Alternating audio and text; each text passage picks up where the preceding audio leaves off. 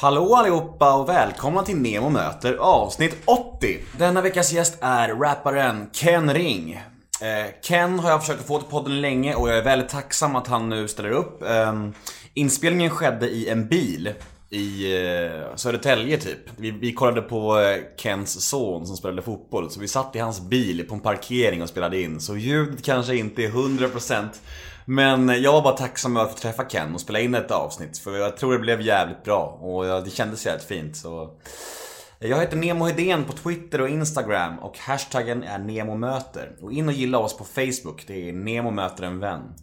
Men nog om mig och eh, nu kör vi Nemo möter gäst Ken Ring. Nemo är en kändis, den största som vi har. Nu ska han snacka med en kändis och göra honom glad. Yeah! Det är Nemo är en kändis, den största som vi har. Nu ska han snacka med en kändis och göra honom glad. Yeah! Yes, Tja, Ken. Ken Ring. hur är läget? Det är bra, själv då? Jo, det är lugnt.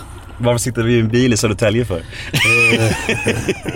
Det, det gör man ibland. Ja, jag vet inte. Nej, men vi, vi hamnade här. Vi, vi är på fotbollscup här Ja. och försöker att, försöker att få ungdomarna att göra något bättre än att vara på gatorna. Din son lirar va? Yes, Gammal är han? han är åtta år nu. Du har fyra barn va? Ja, fyra precis. Ja. Är du engagerad mycket i vad de gör och så här då? Eh, jag skulle väl säga att jag är... Jag är inte så engagerad i de äldre kanske. Nej. Alltså de är ju, de är ju nu så här 15 liksom och 16 så de har lever sina egna tonårsliv. Det är inte så roligt att hänga med farsan liksom. Men, eh, men jag, jag försöker att vara där så mycket som möjligt. Sen tror jag också, jag tror också på det här att låta också barn få hitta sina egna liv du vet. Och inte så här, och inte vara den här som bara, du ska vara så, du ska vara så, du ska vara så. Men hur, du, har äldre, du har äldre kids, du har du har 15 och så en, en äldre va? Ja. Hur, alltså de måste ändå veta om att farsan är riktig kändis liksom. Tycker de att det är coolt eller tycker de bara att det är, äh, farsan är l- lugnare liksom? Nej, alltså de tycker väl att, de tycker väl att det är coolt i ett, i ett visst, så här, till en viss gräns. Mm. Men sen som alla barn så är de, tycker de kan tycka att det är lite jobbigt att liksom, alla ska veta vem jag är. Och, Mm. det, drar vi på stan och ska bara gå och handla på Ica så kanske det inte är så jävla roligt för dem att bara stå och hålla i kameran och ta bilder på mig. Liksom. Trivs du annars med just kändisskapet? Är, det- är, det, är det helt lugnt för dig eller kan det vara jobbigt ibland? Alltså jag brukar se det som så att jag tycker inte att det är jobbigt. För att jag är så här, i slutet av dagen så är jag ganska blessed av att kunna jobba med min egen hobby liksom. Så jag tycker inte att det är jobbigt så, jobbigt per se, men Självklart så tycker jag att det är jävligt skönt att åka utomlands där ingen vet vem jag är. Och jag tycker det är jävligt soft att sitta på en bar och bara vara Ken Ring, alltså vara Ken bara liksom, inte artisten Ken Ring liksom. Jag fattar. Jag tänker lite så här. vi kör lite blandning mellan frågor som jag ställer till alla, lite frågor som lyssnarna har och lite, ja, vi kör lite blandning här. Yes. Eh, vilken fråga får du oftast och vilken fråga är du mest trött på? Så vi skiter i dem. Liksom. Eh, Kungahusskandalen tror jag nog att jag är mest Ja, det är inte fråga om det. Tänkte, det tänkte jag inte ens jag faktiskt. Nej, men den känns, den känns rätt utarbetad alltså. Det var fan 18 år sedan, vad är det? Ja, 18 år sedan. och Det är fortfarande första frågan de flesta som intervjuar mig har. Alltså. Det är så jävla sjukt alltså. Men, vi kör lite från scratch. När, var, och hur och varför började du rappa? Jag började 1991. På, jag- jag började nog med att jag... Jag tror jag började av att jag läste en, en eh, Fear of the Black Planet. Public Enemy hade en platta där, de, där texterna stod på baksidan. Och jag läste texterna liksom. Och där blev jag intresserad av rap överhuvudtaget. Liksom, så här. Typ, oh, vad fett att man kan formulera sig och säga vissa saker och sådär. Sen så växte det, fast från början var jag faktiskt dansare. Det var så jag började i, i musiksvängen. Det var att dansa med min syster. Vi hade en dansgrupp ihop. Sen efter det så gick det vidare och du vet, jag blev intresserad av rap. Och sen bara gick det, det flög iväg. liksom. Var du en, eh, skulle du säga att du var en talang med rap från början? Eller var det att övade du till att bli duktig liksom? Jag var nog inte en talang, jag var inte nog en talang när jag började, det är väl ingen men jag, jag är en väldigt så dedikerad människa till att eh, uppnå, alltså mitt mål direkt när jag började rappa var att bli största rapparen i Sverige liksom. och, och sen så kör jag, krigar jag på tills jag blir det liksom. Och sen om det kräver att jag behöver stå och freestyla i spegeln fem timmar varje morgon så gör jag det liksom. Men jag är ofta en sån här ganska målmedveten människa. Som sätter jag huvudet i någonting så försöker jag fullfölja det liksom. Mm, jag fattar. Eh, men hur, hur och på vilket sätt tycker du att den svenska rapscenen har förändrats sen du började liksom? Och hur mår svensk hiphop idag tycker du liksom, jämfört med då? Jag skulle vilja säga... På den tiden fanns det ingen scen. Nej. Vi, vi, vi letade upp en scen själva liksom. Vi krigade med fritidsgårdspersonalen för att få uppträda med våra hiphop-låtar. Det var rockkvällar på fritidsgårdarna. Det var liksom... Det var techno, det var... Det var liksom, vad heter den här... Um, eh, vad fan heter de då? de här Pump of the Jam och liksom, det var den eran när det var Snap och Fight the Power och det, hela, hela den här grejen. Så vi letade upp kulturen själva skulle jag vilja säga och skapade en egen svensk kultur där vi, där vi började breakdansa och formade våra egna små rapgrupper och Rushak och de hade sitt gäng och Feven och Blues och alla de där hade sitt gäng och det var liksom det, så var det Sherlock och så hade du de från stan och så var det de från orten och så hade du Infinite Mass i Rinkeby och Det var liksom Latin Kings ute i Botkyrka, du vet det var en Vi skapade allihopa en egen liten scen liksom och sen så förenade vi den i stan kan man väl säga på något sätt Hur kommer det sig att du har hängt kvar då? Det är inte så många som har gjort det. Om de räknar upp så är det ju väldigt få som har liksom hängt kvar. Vad skiljer dig från dem liksom? Och hur har du hållit inspirationen uppe tänker jag så många år? Jag tror att, jag tror att, jag vet inte själv men jag tror att det handlar om Jag tror att det handlar mycket om så här, typ Vem man egentligen är liksom. Alltså jag var ett gatubarn från början. Jag levde på gatan, jag hade väldigt svåra familjeförhållanden etc. etc. Jag tror att det gör att min jakt för, i musiken och det här att, att jag faktiskt lyckades 1999 Så började jag tjäna pengar, jag hade aldrig haft ett jobb, jag hade bara sålt droger och sådär. Så att för mig att få så här 100 000 kronor på ett, på ett förskott, det var så här, Det var hur fett som helst. För jag, så jag, tror att, jag tror att mycket handlar om att min uppväxt kanske var mer gata liksom. Och, och det gör att min när jag väl lyckas i hiphop så försöker jag behålla det mycket mer. Vissa andra de kanske blev lite halvstora så fick de 15 000 på, på en show men sen så gick de hem och så fick de en lön 25 med 25 000 kronor. Och i slutet av dagen så började de väga upp det och då fick de 25 000 varje månad medan i musik så får du pengar var tre månader om året liksom. Jag tror att det var mycket det det handlade om, att jag bara jag såg det som min enda möjlighet att, att, att göra någonting. Vad skulle du säga att den stora skillnaden är, du som, du som rappare då, från när du slog igenom 17 år sedan ungefär, med mam, mamma va, stora hitten liksom. Ja. Men skillnaden mellan dig som rappare idag och då liksom. Jag tror skillnaden, skillnaden med mig som rappare är väl att jag är, är mer ärlig idag. Att jag är liksom mer... Att jag är, eh, att jag är mer... ehm, så att säga, att, mer ärlig men också att jag är en... Eh, jag har blivit någon typ av liksom så här. Ja, för mig så, från början så började jag rappa om fängelseliv och gangsterliv och do-rags och grejer, blunts och 40 som inte ens hade liksom utan det var så här kopiering av USA. Jag tror att idag så är jag mer liksom, mer ärlig tror jag. Mer, eh, mer, jag pratar mer om mig och, och mina känslor och tankar än och försöker att imitera andras liksom. Hur, men hur mycket av det du skriver är liksom sanning? För jag tänker, måste Jag har det vara aldrig- sanning? Jag har aldrig någonsin skrivit något som inte är sant. Är det sant? Ja, aldrig någonsin, Jävlar. någonsin liv. Men sen så finns det ju också, sen finns det ju vissa texter där man, där, där man till exempel kanske säger någonting för att en vän har gått igenom det. Och så förstår du? Men Precis, man gör en historia, av- man en, en en, en sanning liksom. annan. Men det är fortfarande en sanning, Ja, jag men det kanske inte är min sanning liksom. Men det är fortfarande en sanning. Det är likadant som, det finns en låt som jag gjort som heter Låter för barnen. Mm. Då skriver jag liksom, jag, var, jag vaknade upp igår, jag befann mig i Afghanistan liksom. Du vet, jag har aldrig varit i Afghanistan, förstår du vad jag Mm. menar? Men nu pratar jag ur en annan persons ögon och någon annan som jag känner som har varit i Afghanistan och berättar om den personen. Mm. Förstår du vad jag menar? Och då blir det, men jag kanske fortfarande säger ordet jag. Mm. Så på det sättet kanske inte är sanning, men allt som texten innehåller är ju en verklighetsbaserad historia. Jag fattar. Jag har en tjejkompis som undrar en sak som jag måste ta bara. Eh, hon, eh, refrängen till Eld och djupa vatten, det var heter han Jojje som är Vandenius. Hur kommer det sig att, och, att du, du tog just den låten och liksom, hade, snackade ni ihop er eller hur Nej, det, var- det där var faktiskt producenterna helt som gjorde. Okej. De hittade en fet sampling och Ja. drog dem in den. Sen la vi på en annan tjej, en liten tjej som sjöng på det liksom. För hon hade fått höra Jojjes original som vaggvisan när hon var liten. Så hon hade såhär, när, när den, den låten blev en hit så hade hon bara, vad fan är det här? Har de snott det? För, då, för henne var ju original liksom så viktigt. Så hon var lite såhär, vad fan jävla Ken. Du vet, så här. Ja, nej, nej, hon undrar- hon undrar det vad bakgrunden var, liksom. Det där var, det där var helt och hållet producentgrej liksom. Jag, hade, jag hade ingenting med det att göra. Har du träffat Jojje? Nej, Nej. Men tack till feta refräng. tack. Men om du lyssnar på, på hiphop själv då, vad lyssnar du på? Alltså både gällande svensk och amerikansk. Har du några När det kommer till hiphop så ska jag säga amerikansk så har jag väl med åren börjat lyssna mer på beatsen måste jag säga. Mm. På grund av att jag, jag, jag, jag är ju en producent egentligen alltså. Jag sitter ju mer i studion och jobbar med andras grejer än vad jag gör med mina egna nästan alltså. Mm. Men, eh, men jag, jag har börjat lyssna mer på beatsen för jag tycker att textinnehållet har blivit jävligt fattigt liksom. Mm. Alltså det är väldigt mycket meningslösa texter liksom. Så kommer någon med bra text, då lyssnar jag väldigt mycket på det. Mm. För att det är bra text men, eh, men jag är inte När det kommer till amerikansk hiphop i alla fall så går jag nog mer efter beatsen. Kommer till svensk hiphop så ska jag väl nog säga att man, man, det blir ju lite så att man lyssnar på musik som man kan relatera till själv. Så för mig så blir det ju inte att jag sitter och lyssnar kanske på varken Kartellen som är liksom supergangster-rap för att det är inte det är inte min grej. Alltså det är inte, du vet, jag, jag, ser inte, jag ser ingen anledning att glorifiera ett gangsterliv på Nej. sätt. Så på det jag lyssnar jag inte. Sen lyssnar jag inte heller på Petter och liksom, du vet, eh, saker från stan. Förstår du? För det, det relaterar inte jag till. Däremot sitter jag och lyssnar på så här. Så det är som massa unga snubbar utifrån Hässelby och Mm. du vet så folk, bara grejer som jag kan relatera till själv och som jag tycker är fett liksom. Kan du, kan du ranka din egen musik eller är det svårt? Alltså vilken är din bästa platta och sämsta platta? Kan du säga sånt eller är det liksom Nej, svårt? alltså, det är klart man kan, jag, jag har ju en åsikt, men det är också på grund av att jag har levt livet liksom. Så Mm. min åsikt är väl kanske, alltså vi skulle se ett exempel så tycker väl jag att akustiken är en av mina bästa skivor liksom. Mm. På grund av att där har jag själv, vet jag hur mycket, mycket jag har gått in för att göra en bra platta, hur Mm. mycket jag du vet, slitit och liksom hur lite jävla budgetar och skit som du vet. Alltså det här, det har verkligen varit en platta från hjärtat liksom. Mm. Det kände så- man också man hörde på den tycker jag. men precis, och det, och, det är lite, och det är lite det jag menar med att för mig är den skivan kanske fetast.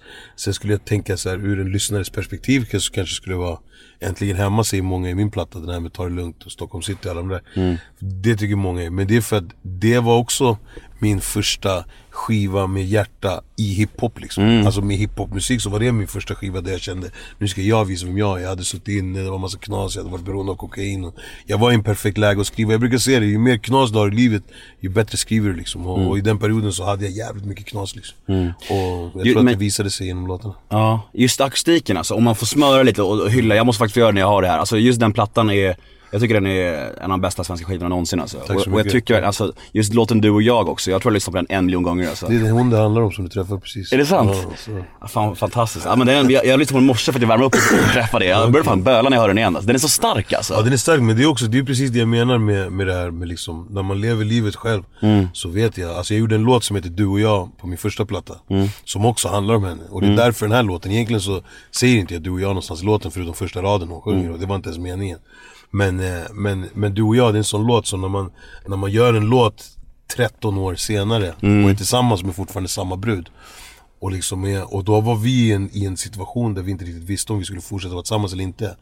Och då var liksom mitt sätt att beskriva så här, vad är vår kärlek? Ja, men det är typ att stå på toppen av ett berg och bara se hela världen raseras och först, fortfarande hålla varandra i handen, titta varandra i ögonen och säga tack, tack för vårt liv liksom.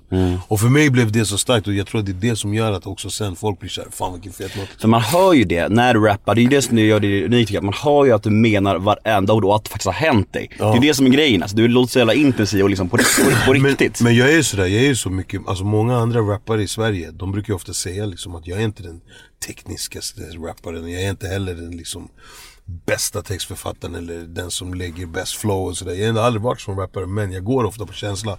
När jag gör låtar så brukar jag ofta ta en tagning på allting. Liksom. Här. För mig är det nästan viktigare att komma till, till känslan i låten än att lägga låten. För jag kan sitta i studion åtta timmar, sen när jag väl spelar in så är det tio minuter. Liksom. Men det är bara för att man sitter, man snackar med producenten, kanske snackar om det som har hänt och det, det som låten handlar om. Och man går igenom och man kommer in i det liksom. Och sitter och hör den i bakgrunden och du vet, kommer in i det. Sen när jag väl sätter på micken och trycker på rec, då går det jävligt snabbt. Men det känns som att du förvandlas helt när det väl gäller. Men som den här East FM live-grejen du gjorde ganska nyligen med Keyya. Alltså du vet, det känns som att du liksom blir en slags, du bara förvandlas när, när, du, när micken är på. Du blir, du blir så det jävla... Blir, det, blir, alltså det blir lite så för att jag pratar ju om, om mig själv det, och det blir lite som att jag, jag stänger nästan iväg, jag stänger ute det, omvärlden liksom. Alltså jag blir så här väldigt så här, jag skulle nog säga asocial du vet. Jag blir så här, Många, många blir så här typ, det är därför jag också ofta inte, inte brukar, många brukar säga ah, freestyler eller kicka en vers och så här. Och du vet, och, nej jag känner inte för det. Du? För jag måste, jag måste liksom, jag måste gå in och känna såhär, bak fan nu ska jag läsa det här fett liksom. Och jag kommer in i den känslan, då kan jag rappa i två timmar liksom. Men, men det kommer jag aldrig till, om jag skulle, du skulle säga till mig, ja kicka en vers liksom, här i bilen du. Då skulle inte, det skulle, okej jag skulle säkert kunna sp- spotta något men det skulle inte bli det här Nej, nej. episka. Men däremot om jag går in i en radiointervju och vet såhär, okej nu har folk hört mig rappa på beats på fem år, okej nu ska jag visa dem. Så går jag in och så kickar jag. Det var monsterfett alltså. Ja, tack så mycket. Men då blir det så, då går jag in i det. Och det är väl det som är kanske min styrka också. Att jag, jag tror att det är det som är min styrka som har gjort att jag har kunnat fortsätta genom åren. Det är att jag verkligen, när jag verkligen levererar så gör jag det. Alltså inte så här typ att jag bara, okej nu måste jag gå och spela in en låt. Förstår du? För att Nej. jag måste komma ut med skiva. Sånt är inte jag. jag. Folk glömmer ibland men du vet. Sista skivan jag släppte, det var tre år sedan. Det var, det var, det var eh, vad heter det, eh, akustiken. Innan det så var det 2009. Det var alltså fyra år innan det. Så i, idag när vi sitter här och pratar släpper jag album snart men, men jag har inte släppt en hiphop-skiva på sju år. Nej. Det, det tänker inte folk. Nej. Alltså det är ingen människa som sitter eller som ser mig här på fotbollsplanen eller som går runt och tänker så här, Fan det var sju år sedan den här snubben släppte en hiphop-platta liksom. Det är inte folk tänker och jag tror att det, att det är också min styrka, att när det väl kommer så vet folk så att Jag behöver liksom inte så här, jag behöver inte ha en jingle på Energy som säger ja, Ken Ring har ny album ute. Du vet, jag behöver inte ha det för att folk vet att det enda jag behöver göra det är att nå alla. Att jag har en platta ute. Sen så går folk automatiskt in och lyssnar på det. För att de som gillar min musik, de vet att det är att det är, om jag släpper någonting officiellt, en officiell platta, så vet folk att det är någonting jag har jobbat med. Något som jag slitit på, något som jag verkligen menar och något som jag verkligen känner. Och jag tror att det blir därför som folk kan känna så här. Fan han är ganska grym liksom. Ja, men det känns ja, ändå, även om det var sju år sedan du släppte en hiphop-platta så känns det ju ständigt aktuellt på något sätt. Att du, liksom alla, all- du är ändå, ändå på något sätt alltid helt luften. Inte, inte nödvändigtvis för att det är liksom skandal och så här, det är ju ganska länge sedan du höll på med sånt. Men det känns ändå liksom alltid het på något sätt. Är det medvetet alltså att du, Det, det, det är inte, inte medvetet per se, men jag är så här, jag, jag planerar ju, jag planerar ju hela tiden. ska det komma en Ska det komma en mixtape eller ska jag släppa ett album eller så? Jag planerar hela tiden så att jag vet att okej, jag- där kommer jag vara i det där tv-programmet, där kommer jag, där kommer jag göra det. Jag försöker hela tiden att se till att att det inte, för att hade det gått sju år sedan jag hade släppt en platta och jag hade varit helt tyst och inte gjort någonting under tiden Då hade det varit jävligt svårt att släppa det här bara boff, Ken är tillbaka med nytt album. För att folk skulle vara så "Okej, Ken det var sju år sedan liksom. Så att, eh, så jag, jag försöker planera men, men, men jag tror också, alltså personligen så tror jag och det kanske låter lite så här, man kanske pratar för högt om sig själv Men jag tror att musiken är så pass bra att den lever ganska länge. För att min musik är lite annorlunda från andra folks musik. Kollar man på till exempel Medina eller någon som, vi säger Timbuk eller whatever liksom. Så, kan- så kan man mer känna att det är liksom så här.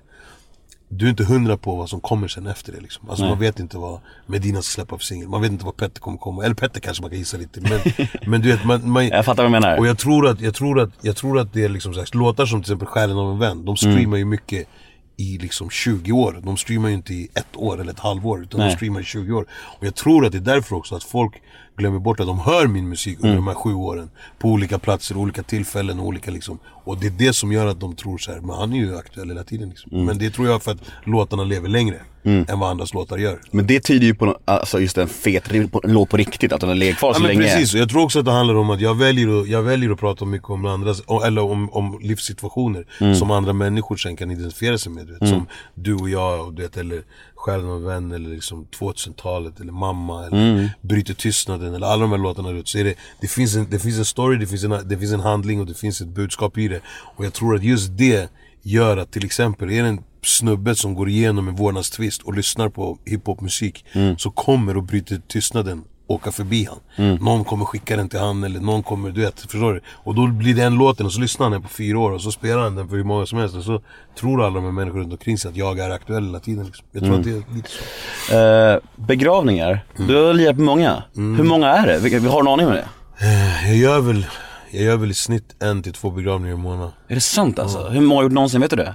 Nej men jag är nog uppe i en 50 kanske. Shit alltså. Är det någon speciell anledning till det eller? Är det bara Men som... största anledningen är väl en vän. Alltså senaste tre åren, det är nu jag har gjort alla begravningar, senaste tre åren liksom. Ja. Och det är Själen av en vän, oavkortat, det är på grund av att den låten kom liksom. Var det någon tanke när du gjorde den? Nej inte alls, verkligen inte, långt ifrån. Och, och, och jag visste hela tiden att låten skulle bli jävligt stor. Det visste Ja. jag innan jag släppte Det kändes som en hit. Jag, kände, nej det kändes inte som en hit men det kändes som att den här låten Den är så pass viktig för folk. Mm. Alltså den, den kommer bli en låt som är viktig för människor när de går igenom sorg eller Mm. när de går igenom så, så visste jag att den låten skulle hålla.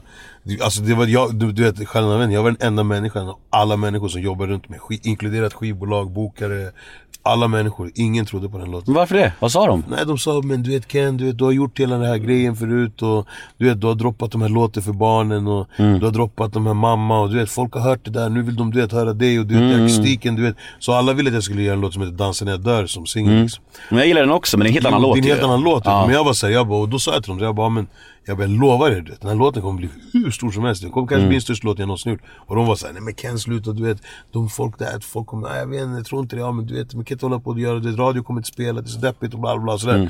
Men sen du vet, så sa jag till dem, så, jag bara, okej vi gör ett test då. vi låter, kör den på en tv-program, alltså ett tv-program om jag lyckas få någon på det tv-programmet att gråta du vet, så det var vår överenskommelse Om jag lyckas få någon av, av, av på det här tv-programmet, om någon som är där inne i rummet liksom börjar gråta till den här låten då, då, då, kommer, då ska vi satsa på den här singeln, då lovar vi De bara ah, okej tvärlugnt, vi gör den dealen De trodde inte att de skulle gråta Du vet tv-produktion och folk håller på att jobba, de har inte tid att stå och böla liksom Nej. Då gjorde vi ett rep och Hey, I'm Ryan Reynolds. At Mint Mobile, we like to do the opposite of what Big Wireless does. They charge you a lot, we charge you a little. So naturally, when they announced they'd be raising their prices due to inflation, we decided to deflate our prices due to not hating you. That's right. We're cutting the price of Mint Unlimited from $30 a month to just $15 a month. Give it a try at mintmobile.com slash switch. $45 upfront for three months plus taxes and fees. Promo for new customers for limited time. Unlimited more than 40 gigabytes per month. Slows. Full terms at mintmobile.com. Då var producenten för Kalle Moraeus. Hon som var inslagsproducent i Kalle Moraeus. Vi skulle spela på Kalle Moraeus med den låten. Hon satt i repet på dagen, så här, två på eftermiddagen. Det var första gången vi spelade låten. Och hon var den enda personen som satt i hela rummet. För hon satt och kollade för så här, inslag och skulle kolla på kameravinklar och skit. Och hon började gråta efter så här, 10 sekunder in på låten. Och, eh, och det, och då, och då, då, då vi bestämde oss för Fett. Fett att få rätt där ändå, när man är så säker på någonting Jo, liksom. vet, och sen var det så, sen blev det ju bölfest. Sen började han Björn Skifs komma dit och grät och han, någon annan var där. Det var värsta gråtfesten. Och sen när jag kom hem till Stockholm så, så skivbolaget de var bara såhär, de skrev så okej, vi släpper själv någon vän. Mm. Du sa att du och jag handlade om du och din fru. Är ni gifta förresten? Nej. Nej, ska ni gifta er? Är Inte, vi, är inte så, vi är inte så mycket för oss. Alltså det är inte så jätteviktigt för oss. Nej. Mm. Skulle vi gifta oss skulle det vara för festen. Inte för Och men hur länge har ni varit ihop sa du? 23 år. Vad tror du är nyckeln till att hålla relationer? Nej, men det är som, som jag sa till dig, jag tror att det, nyckeln är att inte, att inte hålla på och jiddra om så oväsentliga saker. Att inte hålla på och bråka, att inte hålla på... Alltså, alltså vi bråkar aldrig om vad vi ska äta, vi bråkar aldrig om så här, om, om saker som är oväsentliga liksom så här, vad, vad, Vem tvättar på fredag liksom. Vi bråkar inte utan den som kommer hem först, vet, plockar upp kläderna och börjar tvätta. Sen om det är jag eller du, det är ganska oväsentligt för oss. Vad bråkar ni om då? Nej men som sagt, vi bråkar så här, vi bråkar mer om så här stora saker. Vart ska vi bo? Vilken skola ska vår son gå i? Du vet, jag är så här, jag, liksom du vet, den här, du vet hon, hon tycker att balansen är viktig mellan, mellan liksom fattig, fattiga du vet, kretsar och rika kretsar. Att man inte ska lägga barnen i stan bara för att vi kan göra det. Eller liksom sådär. Utan hon är så här, låt dem vara ute på fotbollsplan i Hässelby och få den här tillhörigheten också. Du vet. Och jag är väldigt så här, jag är väldigt rädd för att jag har gått igenom så jävla mycket i de här områdena. Så jag är såhär, bara, men vad fan ska vi, skit i det. Om vi har en chans att ta barnen till det här, varför gör vi inte det? Och Du vet, så, sådana grejer bråkar vi om. Är typ, ska vi flytta till Afrika och få lite trygghet för att Sverige börjar bli kollapsa liksom. Du vet, typ sådana saker bråkar vi om. Men inte, men inte om, inte om så här, inte om strumpor. Vi bråkar inte om, vi, typ, ja, men varför tar du på dig svart när jag har vitt på mig? Du vet, där- Men hon vill hålla det lite mer så här, hon vill hålla lite mer ut i orten. Men jag tänker tänk så här, men om du, är, är, är du så att om du får in en stor summa pengar, är du sjukt oekonomisk då? Smäller du pengar då?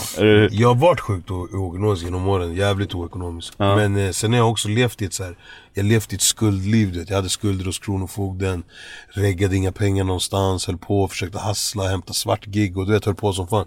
Sen så för typ 3-4 år sedan så bestämde jag mig för jag fick ut ett ganska stort förskott och så bestämde jag för att, eh, nej men nu ska jag, nu ska jag sätta punkt för den för den delen av mitt liv liksom. Och det, det resulterar, jag skulle bara kolla på laget som är de ska spela om så sätt.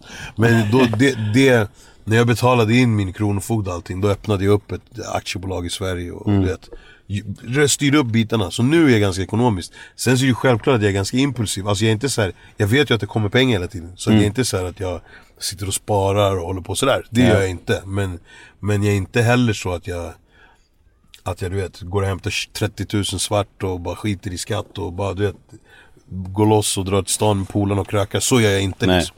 Men däremot så typ om min, du vet Jag kommer ihåg alltså till exempel vi, vi skulle, när, syd, när det var Sydafrika-VM du vet För se- fem, sex år sedan, sex år sedan, nej, sju år sedan, sex år sedan då, då var det så här, du vet, då var jag på fyllan, kom hem och bara du vet Fan ska vi dra till Kapstaden du vet? Går in, kollar inte ens matchschema på, på VM och går in och bokar eh, biljett till mig och min flickvän och, och du vet, och så bara, sen hoppar vi på, sen så vaknar vi på morgonen bakis och bara får en, du vet, har bekräftelse på mailen på, på en resa till Kapstaden samma dag liksom. Du vet, har ingen aning om, landar där i Kapstaden, åker ner till Kapstaden, landar och så bara shit, okej undrar vilken match vi kan se du vet. Och då har sista matchen i Kapstaden redan varit. ja men shit. Utan att vi har kollat, så vi landar i Kapstaden och de håller på att riva ner alla Fifa-affischer överallt och så liksom. Fy fan vilken flopp. Ja jag vet, men sådär gjorde jag mer förut liksom. Jag så ja. sket i allt. Men, men Mer, idag, ko- mer koll nu. Ja precis, men idag, men idag så är jag ganska ekonomisk. Liksom. Hur gammal var du när du fick ditt första barn? Eh, 21. Ja. Förändrades det mycket när du blev farsa? Ja det gjorde jag nog tror jag. Jag, eh, jag, tror, att jag, jag, tror, att jag, eh, jag tror att jag blev klokare. Alltså man blev väl vuxen på något sätt. Genom att få barn. Så Det var så vuxna tankarna kom, började sakta smyga på en. Du vet, var ska man bo? Hur är ekonomin? Och du vet, Mm. förut brydde, man, brydde jag mig inte om böter och så, sån här skit. Mm. Och det, så jag bara, men vet, jag är kronofogde, jag glömde det där, Mm. vet, allt sånt där. Det började, men det började sakta sjunka på liksom. För att man bara såhär, jag kan inte dö som en loser liksom. Utan jag, nu har jag faktiskt barn nu. Nu måste jag du vet, försöka och i alla fall göra något så att när jag lämnar världen så kan jag lämna mina barn också. Mm. Att ha någonting i alla fall liksom. Om man tar ut ett straffregister på dig, vad hittar man då?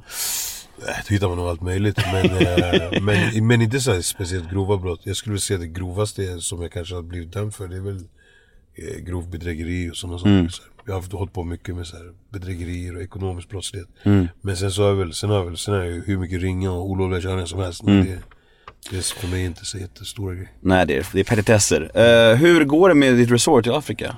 Det går bra. Vi har pausat bygget nu för att jag håller på med den här skivan så Så det är, så här, det är lite on hold där nere men eh, det Har du något mål på tiden när det ska bli klart? Nej, men eh, det, däremot så har jag ett mål om att jag vill tjäna in pengarna för att kunna bli klar innan året är slut. Det handlar ju mer om en ekonomisk Hur mycket cash har du lagt ner på det sammanlagt hittills tror du? Play, vi har plöjt någonstans mellan en till två miljoner där nere. Hur kän, känns det känns det bra fortfarande? Eller Har du börjat lite second thoughts? Lite ånger, ånger, ånger Nej, det känns skitbra alltså. Jag känner mig skitbra. Sen så tycker jag mer second thoughts av att jag inte hinner åka ner så mycket som jag vill. Jag har ju varit nere väldigt mycket senaste åren och nu senaste året så har jag typ varit nere en, två gånger bara liksom. Och det känns väldigt konstigt för mig.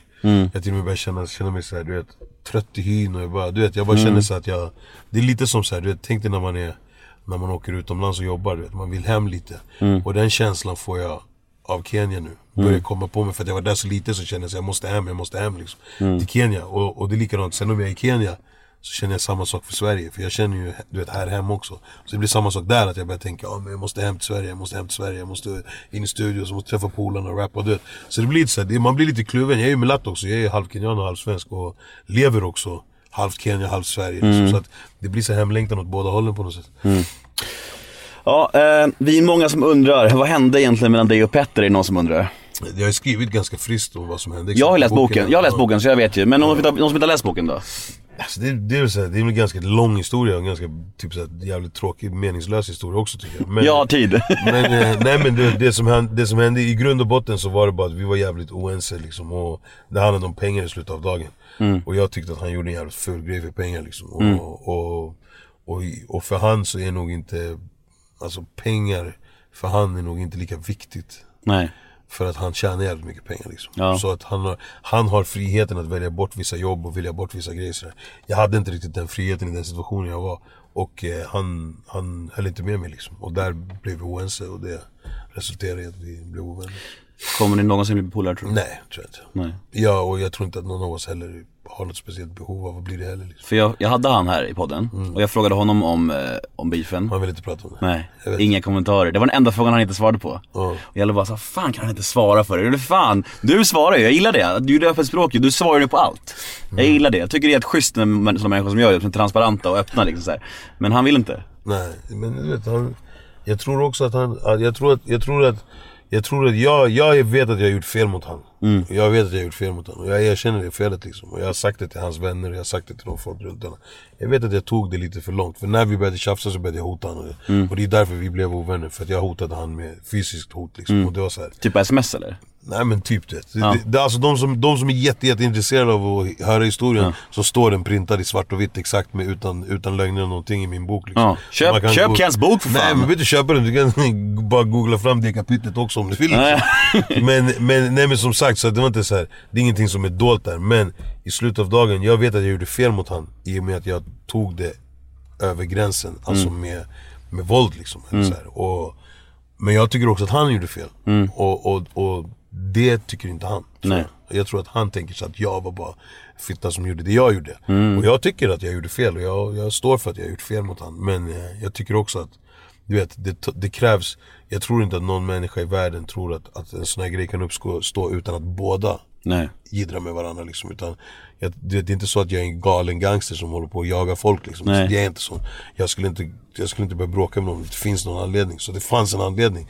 Och den anledningen tycker jag kanske att han också borde erkänna. Du vet, skulle han ringa mig och säga okej så Ken jag vet att jag också gjorde fel liksom. då, då tror jag att vi skulle vara coola du vet. Men, men han vill inte göra det. Han vill Nej. inte tycka det.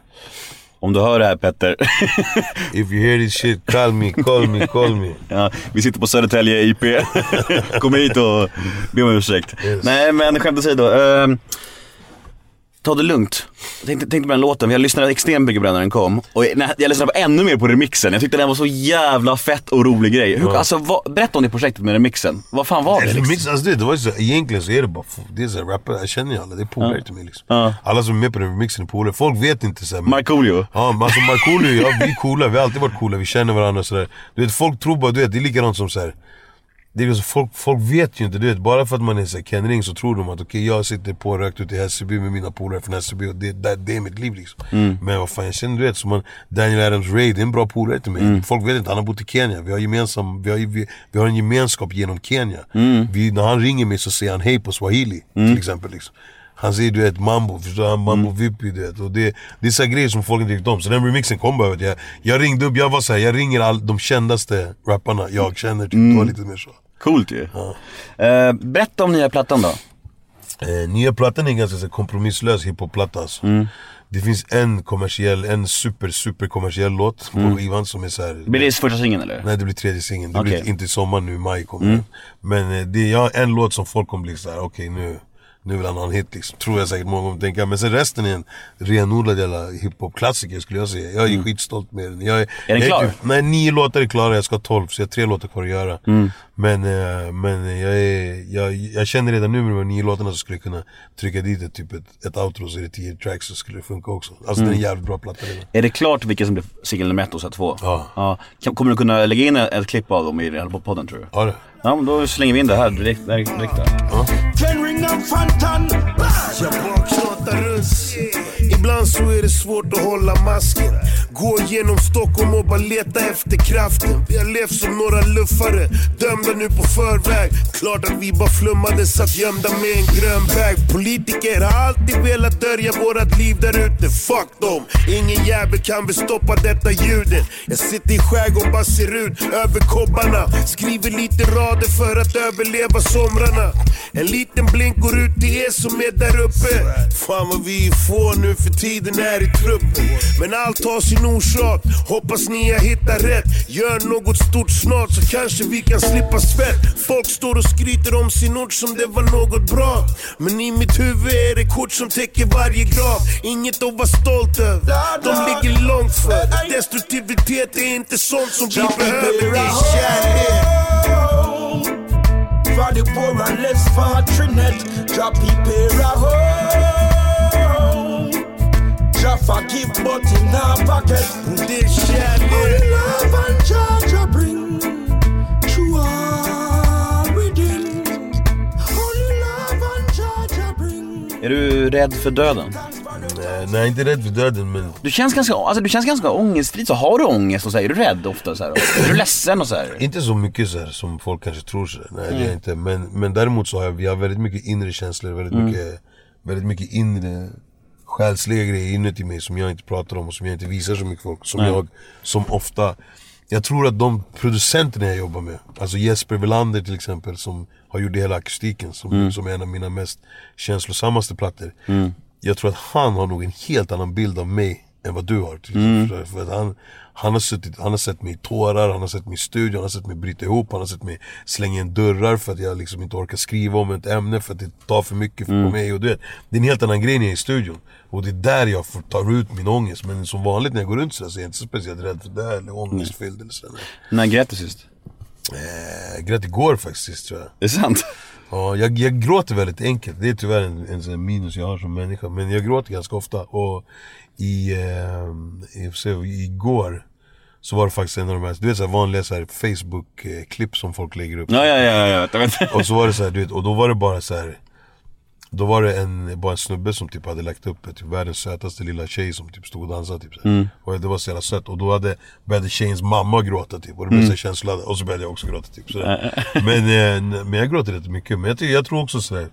Alla män gråter liksom. Jag tror, Mm. jag tror, eller alla ganska- människor gråter Det är ganska skönt att gråta, alltså efter, man känner sig, man känner sig lite uttömd så här. Lite sådär, ja, och sen också tror jag att, jag tror att det är såhär Det är som jag brukar säga till mina barn, du vet, gråt för rätt anledningar liksom Mm. Alltså, gråt inte för att man får en godis Men du kan gråta för att du inte har sett din syster på en vecka liksom Mm. det, det känns mer såhär Genuint. Hur är du med kritik och så här? Jag tänker så om du, om du säger att du lämnar fram en platta till, jag vet inte, skivbolagschef eller vad som helst och så säger de så att det här håller inte. Kan du ta sånt då eller blir du kränkt och Först och främst har de aldrig sagt det. Så det, skulle, det skulle jag inte, det, och det, det säger jag inte bara för att vara så kaxig som, men Nej. det har de inte sagt faktiskt. Men, men eh, däremot så brukar jag brukar faktiskt, jag vill ha kritik jävligt Mm. mycket. Jag vill få kritik.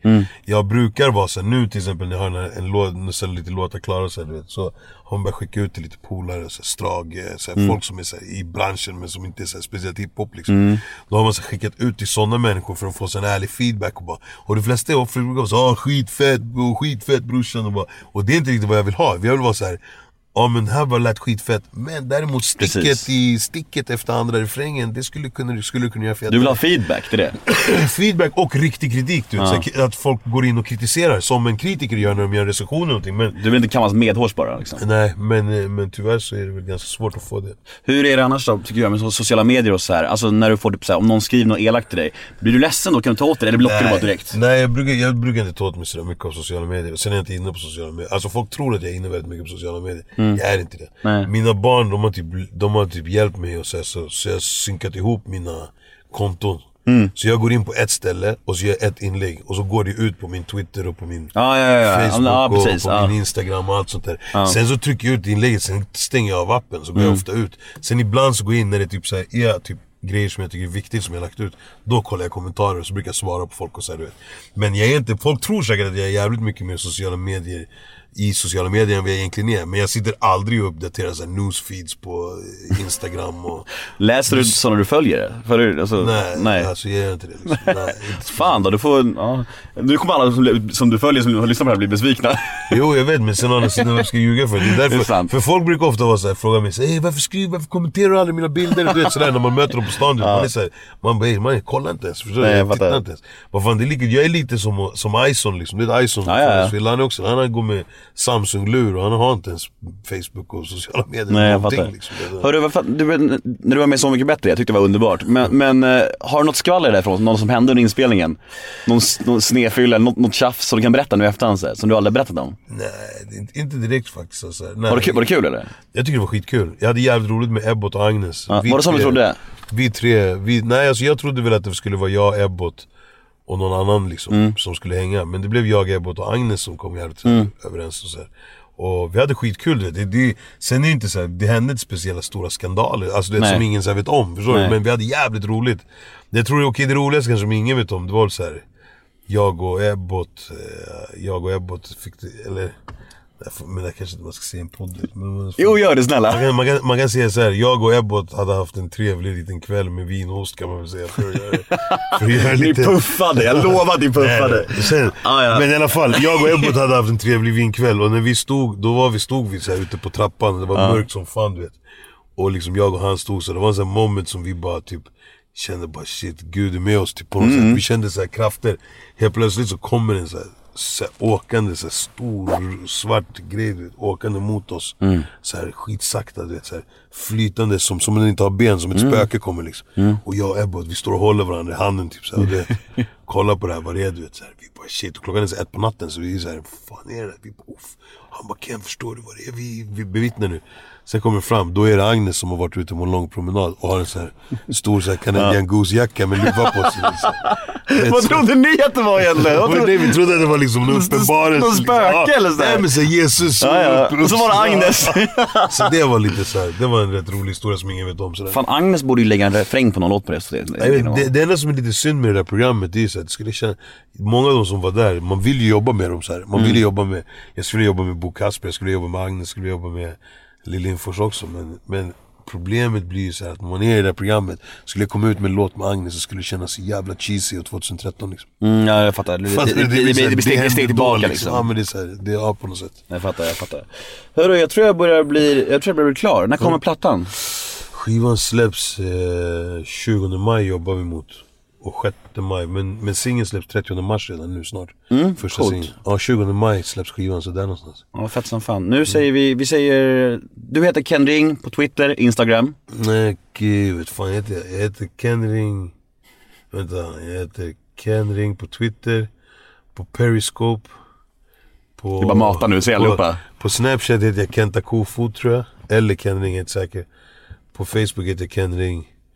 Och på Instagram heter jag Ken Ring Real. Mm, cool. Jag heter Nemo Hedén på Twitter och Instagram och hashtaggen är Nemo möter och eh, Hitta Nemo borde du kalla på den. Ja, men det är sjukt för att när den här filmen kom, alltså vilket jävla helvete jag fick alltså. Varenda människa bara Hitta Nemo, hitta Nemo. Än idag alla säger det. Hitta Nemo. Det, det är fetare, du borde göra det. Ja, istället för podden. Flippa Nemo. Istället för eh, Nemo möter, Hitta Nemo. Tack Henring för att du tog dig tid. Tack så mycket, ha en trevlig dag. Samma.